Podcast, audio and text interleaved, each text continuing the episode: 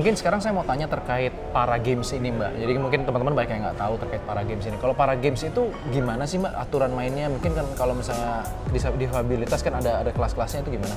Kalau para game sendiri itu eh, iya sama sih sebenarnya kayak kalau kita bisa bilang mungkin orang yang udah bergelut di dunia olahraga mungkin udah tahu ya. Jadi em, kalau di dunia yang normal itu biasanya kan kita digolongkan dengan umur biasanya Yap, yap. usia atau tinggi mungkin. Yap. Kalau yang para game ini itu usia terbuka. Em, Berapapun? Berapapun. Tapi kalau yang internasional memang ada minimal 13 tahun Oke. gitu kan. Em, kalau yang biasa itu terbuka tapi kita kelasnya itu berdasarkan tingkat disabilitasnya. Oke. Jadi kalau di renang sendiri ada S1 sampai S14. Jadi S1 i- S1 dan S10 itu yang daksa. S11 sampai 13 itu adalah yang tunanetra. Hmm. S14 itu yang tunagrahita. Oke. Oke.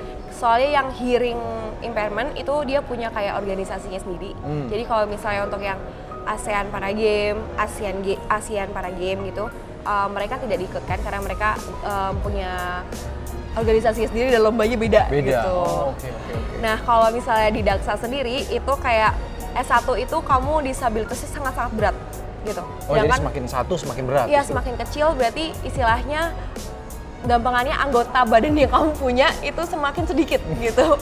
Jadi nggak mungkin kan saya dilawanin sama orang yang oh ta- tangannya buntung satu sedangkan semuanya ada gitu kan nggak mungkin itu nggak fair. Saya juga nggak mungkin dilawanin sama orang yang buntung semuanya gitu itu kan nggak mungkin. Jadi emang klasifikasinya berdasarkan itu.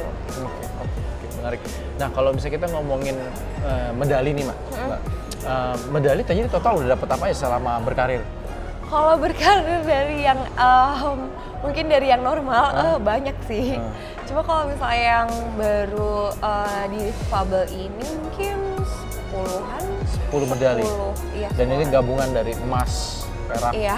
perunggu. gitu. Iya, iya. Oke. Kalau mungkin saya penasaran juga kalau medali emas itu emas beneran sih, Mbak? Enggak dong. Oh, enggak? Kalau pas beneran udah udah aku jual, udah aku gadein kayaknya. Oh gitu.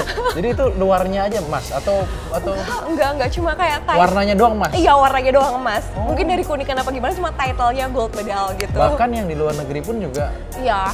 yang di Berlin juga. Tidak, tidak emas, tidak emas. Oh tidak emas. Tidak emas. Oh cuma pajangan Iya, aja ya? iya, oh, iya. gitu gitu. Jadi menarik ya. Oke oke oke. Nah kalau misalnya kita ngomongin kompetisi nih mbak, kompetisi. Em, pernah nggak ngalamin kompetisi renang yang memang waktu itu berat banget sehingga mbak juga ngalamin sempet mood mentalnya down gitu? Eh, mungkin kalau lomba yang berat banget itu karena aku udah biasa untuk lomba jadi emang deg-degannya ya aku udah kayak "Ah, wajar ini lomba lomba Setiap ya kali udah." berenang pun sekarang masih deg-degan. Kalau untuk yang lomba, iya karena aku aku mungkin karena dididiknya bahwa kamu lomba itu anggaplah kamu sedang dalam medan tempur gitu. Jadi aku harus ngeluarin yang terbaik. Mungkin jadi karena hal itu aku tiap kali lomba pasti ada deg-degan. Mau lombanya lomba ecek-ecek juga tetap aja kayak walaupun aku tidak ditarget aku berpikir nanti hmm waktuku nanti jelek nggak ya? Waktuku nanti em, bagus apa enggak gitu. Kalau misalnya yang paling aku inget banget itu sebenarnya adalah lomba yang pertama kali aku ikutin setelah difabel.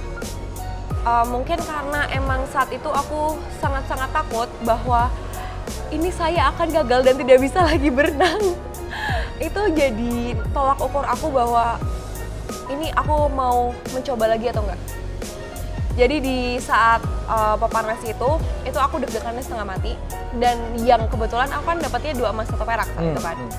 Nah kebetulan medali pertama ini adalah medali perak. hmm, Sedangkan saya, maunya emas. iya maunya Ambisius emas. banget Iya, ya. ambisius banget karena tahu bahwa oh aku sudah ada basic renang. Dan lawan-lawanku itu belajarnya tuh Setelah cedera. gitu. setelah cedera atau mereka tidak punya apa ya tidak punya basic dengan kayak tekniknya apa gimana gitu karena aku lihat sendiri emang yang difabel itu jujur aja kurang dari segi untuk olahraganya kurang diperhatikan dari oh kamu di training ke luar negeri gitu itu itu masih sedikit sekali seperti itu. Sedangkan saya mendapatkan pelajaran-pelajaran seperti itu dan saya kalah sama mereka kayak Hmm. hmm kok kalah? gitu kan.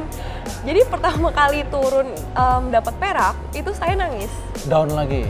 kalau down sebenarnya tidak saat itu. Oke. cuma kayak nangis karena mama aku ternyata separah itu ya gitu sampai nggak bisa dapat emas separah itu. Terus akhirnya em, ya mama mama bingung mama. Jadi kayak ya udah nangis nggak apa-apa. Ditemenin mama nggak ngomong apa ditemenin aja nangis nangis gitu.